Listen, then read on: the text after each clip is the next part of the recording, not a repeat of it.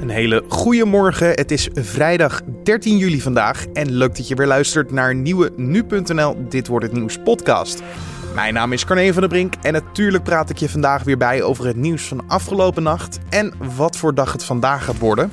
In de podcast van vandaag gaan we praten over de uitspraak van de moord op de 14-jarige Savannah. Maar wat mij, mocht hij schuldig zijn, dan zou ik altijd zeggen: uh, speel open kaart. Uh, vertel waarom. Uh, al, al, is het alleen maar voor de nabestaanden, maar ook voor jezelf. En bespreken we met nu-sportredacteur Riepke Bakker de finale van het WK voetbal. Maar eerst kijken we kort terug naar het belangrijkste nieuws van afgelopen nacht. Als de Britse regering haar plannen voor de Brexit doorvoert, hoeft ze niet te rekenen op een handelsverdrag met de Verenigde Staten.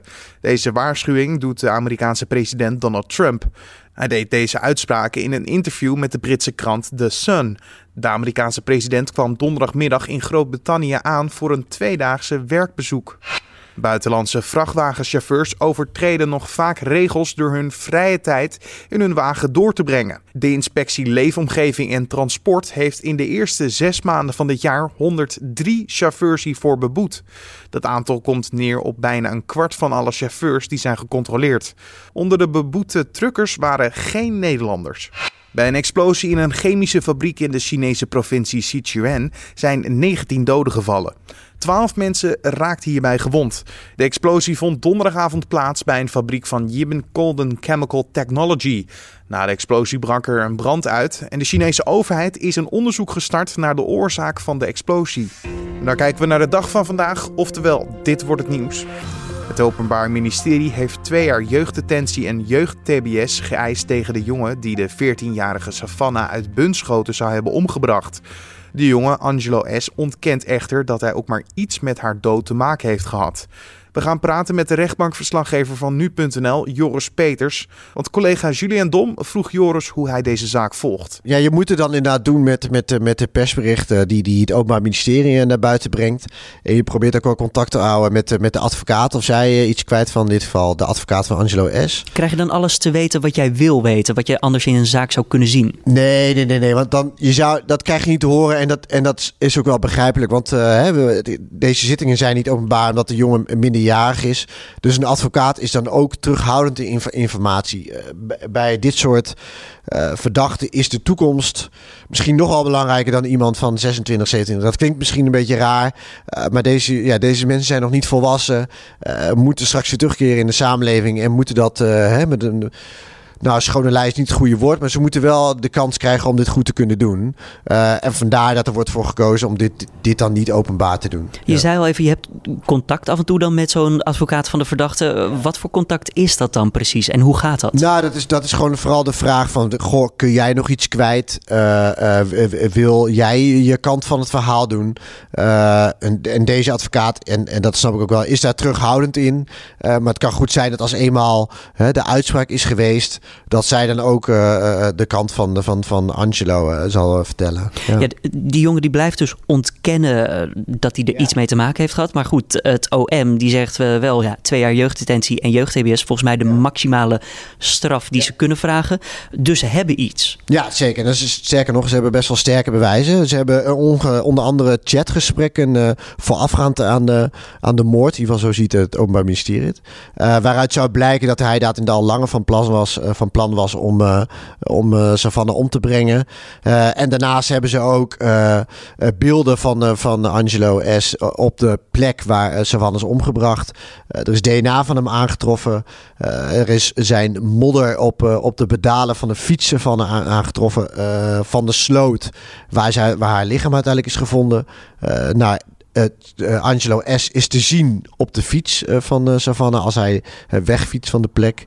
Mm. Um, dus dat zijn nogal sterke aanwijzingen. En daarnaast zijn er ook nog spullen bij hem thuis gevonden van Savannah die zij bij zich had op de dag van de verdwijning. Okay.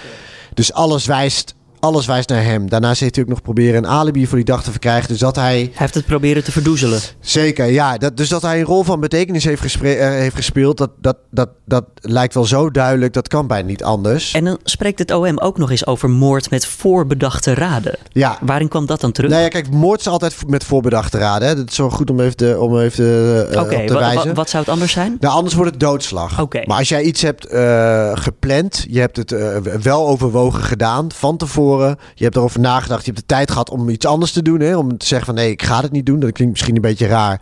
Maar zo moet je het wel zien. Uh, dan is er sprake van moord. En het Openbaar Ministerie ziet, daar, ziet daarvoor bewijs. En dat zij zeggen dat in chatgesprekken te hebben gezien die hij heeft gevoerd. En een voorbeeld zou kunnen zijn dat hij zegt tegen een andere persoon: um, uh, van ik mag haar al heel lang niet meer, ik, ik ga wat aandoen. Uh, nu is het echt te ver gegaan. Ik zeg maar wat, het schijnt dat de, deze twee een, een, relatie met elkaar hadden. Dat hij misschien klaar was, dat hij een andere vriendin was. Nogmaals, ik vulde het zelf in. Maar daar blijkt zo uit van oké, ik, ik wil dit meisje wat aandoen. En daar gaat een tijd overheen en ik besluit dit alsnog te doen. Dan is het voorbedacht raden en dus ook moord.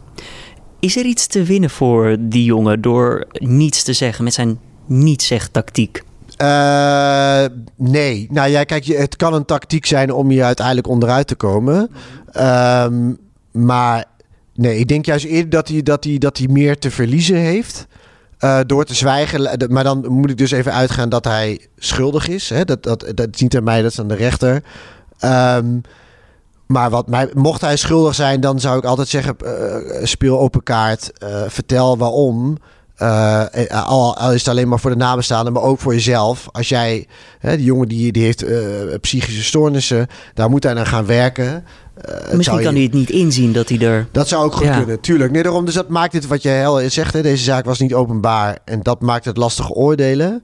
Um, maar nee, dit, ik denk dat een dat, dat openheid altijd goed is. Ja, zeker. Je hoorde rechtbankverslaggever Joris Peters.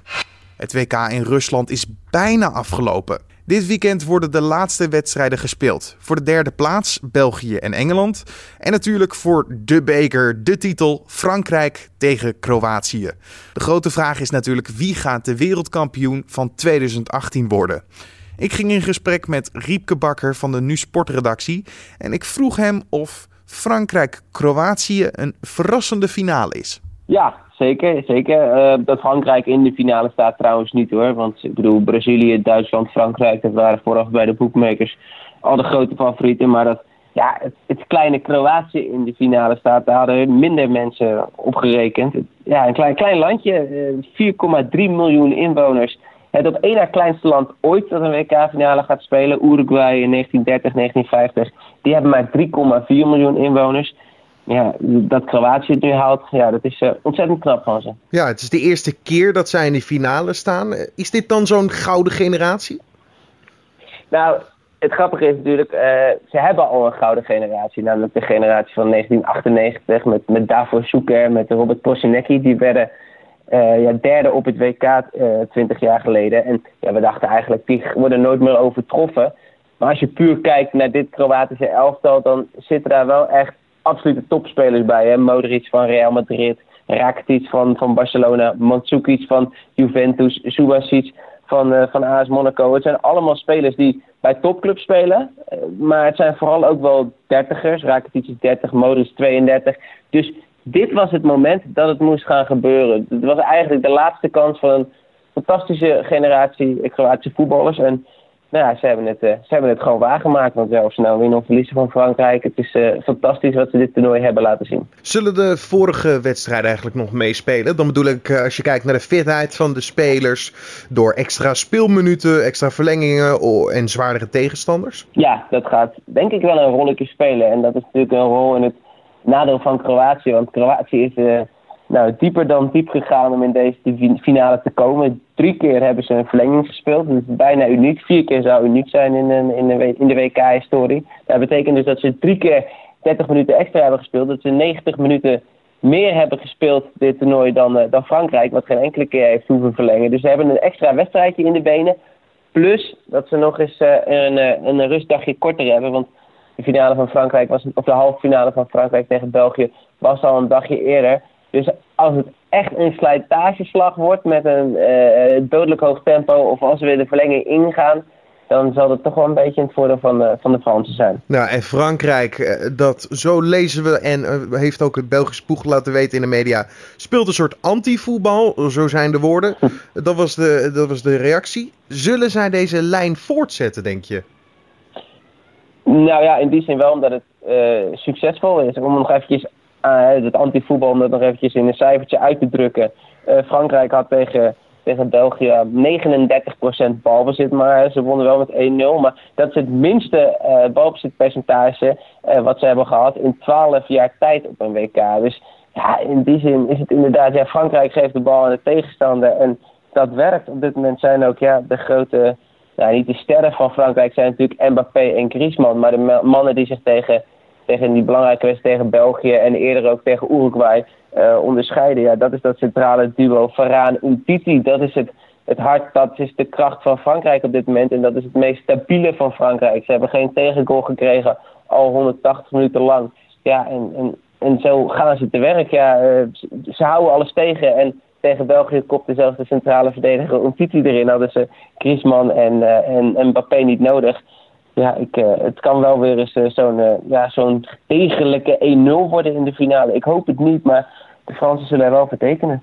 Als je kijkt naar dit WK, hè, hoe kan je dan het nog het beste kort voor ons samenvatten? Wat, wat is het voor WK geweest? Ik, ik vind het een prachtig WK. Het mooiste van een WK is dat het zijn plek vindt in de WK-historie aan de hand van iconische momenten. Nou, ik bedoel, uh, WK-geschiedenis zit vol met iconische momenten van de 42-jarige Roger Mila die op het WK van 1994 scoort. Nou, dat soort momenten hebben we ook dit WK gezien. We hebben een keeper van 45 jaar gezien bij Egypte die een strafschop uh, keert. We hebben voor het eerst in de historie van het WK Engeland gehad dat een, eh, een wint. We hebben Panama gezien dat met 6-1 verliest, maar wel dolblij is na afloop omdat ze een doelpunt maken op een WK, dat zit erin. En het is natuurlijk ook ja, het begin van een nieuw tijdperk, dit WK. Daarvoor staat het ook symbool, omdat het natuurlijk het WK was van de VAR. Er uh, is veel over gezegd, is veel over geschreven, maar achter, je kan wel zeggen het is een succes. Want uh, iedereen, het, het, spel is eerlijker, het is niet, nog steeds niet helemaal uh, foutloos, maar er worden veel minder fouten gemaakt. En als er een fout wordt gemaakt, wordt die hersteld. En er worden bijvoorbeeld ook veel minder rode kaarten gegeven. Omdat twee spelers weten gewoon, ik word in de gaten gehouden. Ik kan niks meer doen. Dus in die zin is het, uh, ja, het is een iconisch WK geweest. En, en een begin van iets nieuws. Dus ja, een, mooi WK wat dat betreft. Het boekje van de WK-feitjes van Riepke Bakker is in ieder geval dit jaar weer aangevuld, zo te horen. Dat is een goed teken. Um, als je kijkt ten slot naar deze wedstrijd zondag uh, 5 uur. Ja, wie gaat die gouden beker mee naar huis nemen? Uh, dan zeg ik Frankrijk. Waarom? Omdat Frankrijk ja, het meest stabiel oogt van, uh, van de twee ploegen van Kroatië van Frankrijk. Het is, het is niet altijd even leuk, maar het is vooral degelijk. Ze zijn geen moment in de problemen geweest eigenlijk tegen België. Ze zijn geen moment in de problemen geweest tegen Uruguay. En ja, bij de Kroaten is het toch vooral hangen, vliegen en meer emotie. Um, ja, dus en iets meer geluk misschien. Ja, dus vrees ik, het zou toch wel heel leuk vinden als, als Kroatië voor die stunt zorgt. Maar ik denk dat uh, Frankrijk een, een maatje te groot is. Je hoorde Riepke Bakker van onze Nu Sportredactie. En wil je nou meer weten over deze wedstrijden en het afgelopen WK? Luister dan zeker naar de Nu Sport Aftrappen podcast. Vanmiddag uploaden we namelijk weer een nieuwe aflevering op de site en in je favoriete podcast app. En dit gebeurt er verder vandaag nog. De zevende etappe van de Tour de France gaat van Fougères naar de stad Chartres. Met 231 kilometer is het de langste etappe van deze editie. De Belg Greg van Avermaat rijdt opnieuw in de gele trui. En net als de eerste, tweede en vierde etappe lijkt deze rit een prooi te worden voor de sprinters. En dan kijken we waar onze collega's vandaag over schrijven. De afweging om burgemeester te worden van Amsterdam is voor Femke Halsema nooit partijpolitiek geweest. Dat zegt ze in een interview met de Volkskrant. De eerste belangrijke vraag aan mezelf was: bezit ik de stevigheid en de kalmte om de stad te helpen in moeilijke periodes? Dat is volgens mij namelijk de belangrijkste taak van de burgemeester. Toen ik daar voor mezelf ja op kon zeggen, ben ik deze kans serieus gaan overwegen. Zo zegt de nieuwe burgemeester van Amsterdam tegen de krant vandaag. Het AD schrijft vandaag dat het leger bij aanslagen en concrete terreurdreigingen reservisten moet inzetten om strategische locaties te beschermen. Beroepsmilitairen zouden daar geen tijd meer voor hebben. Het ministerie van Justitie en Veiligheid eist dat Defensie in 2022 negen pelotons van 30 mensen beschikbaar heeft die binnen 6 uur inzetbaar zijn. Politie en marechaussee werken op dit moment samen met reguliere eenheden van de landmacht. Maar die hebben moeite om getraind en inzetbaar te blijven voor de oproepdienst. En dan nog even het weer van vandaag. Het is opnieuw vrij zonnig, maar in het noorden kunnen wolken vanaf zee binnendrijven. En landinwaarts ontstaan er weer stapelwolken. Het wordt vandaag maximaal 22 tot 27 graden. En dan nog dit. Wetenschappers van het laboratorium UREC in het Italiaanse Bolzano hebben onderzoek gedaan naar de maaginhoud van de beroemde mummie Ötzi.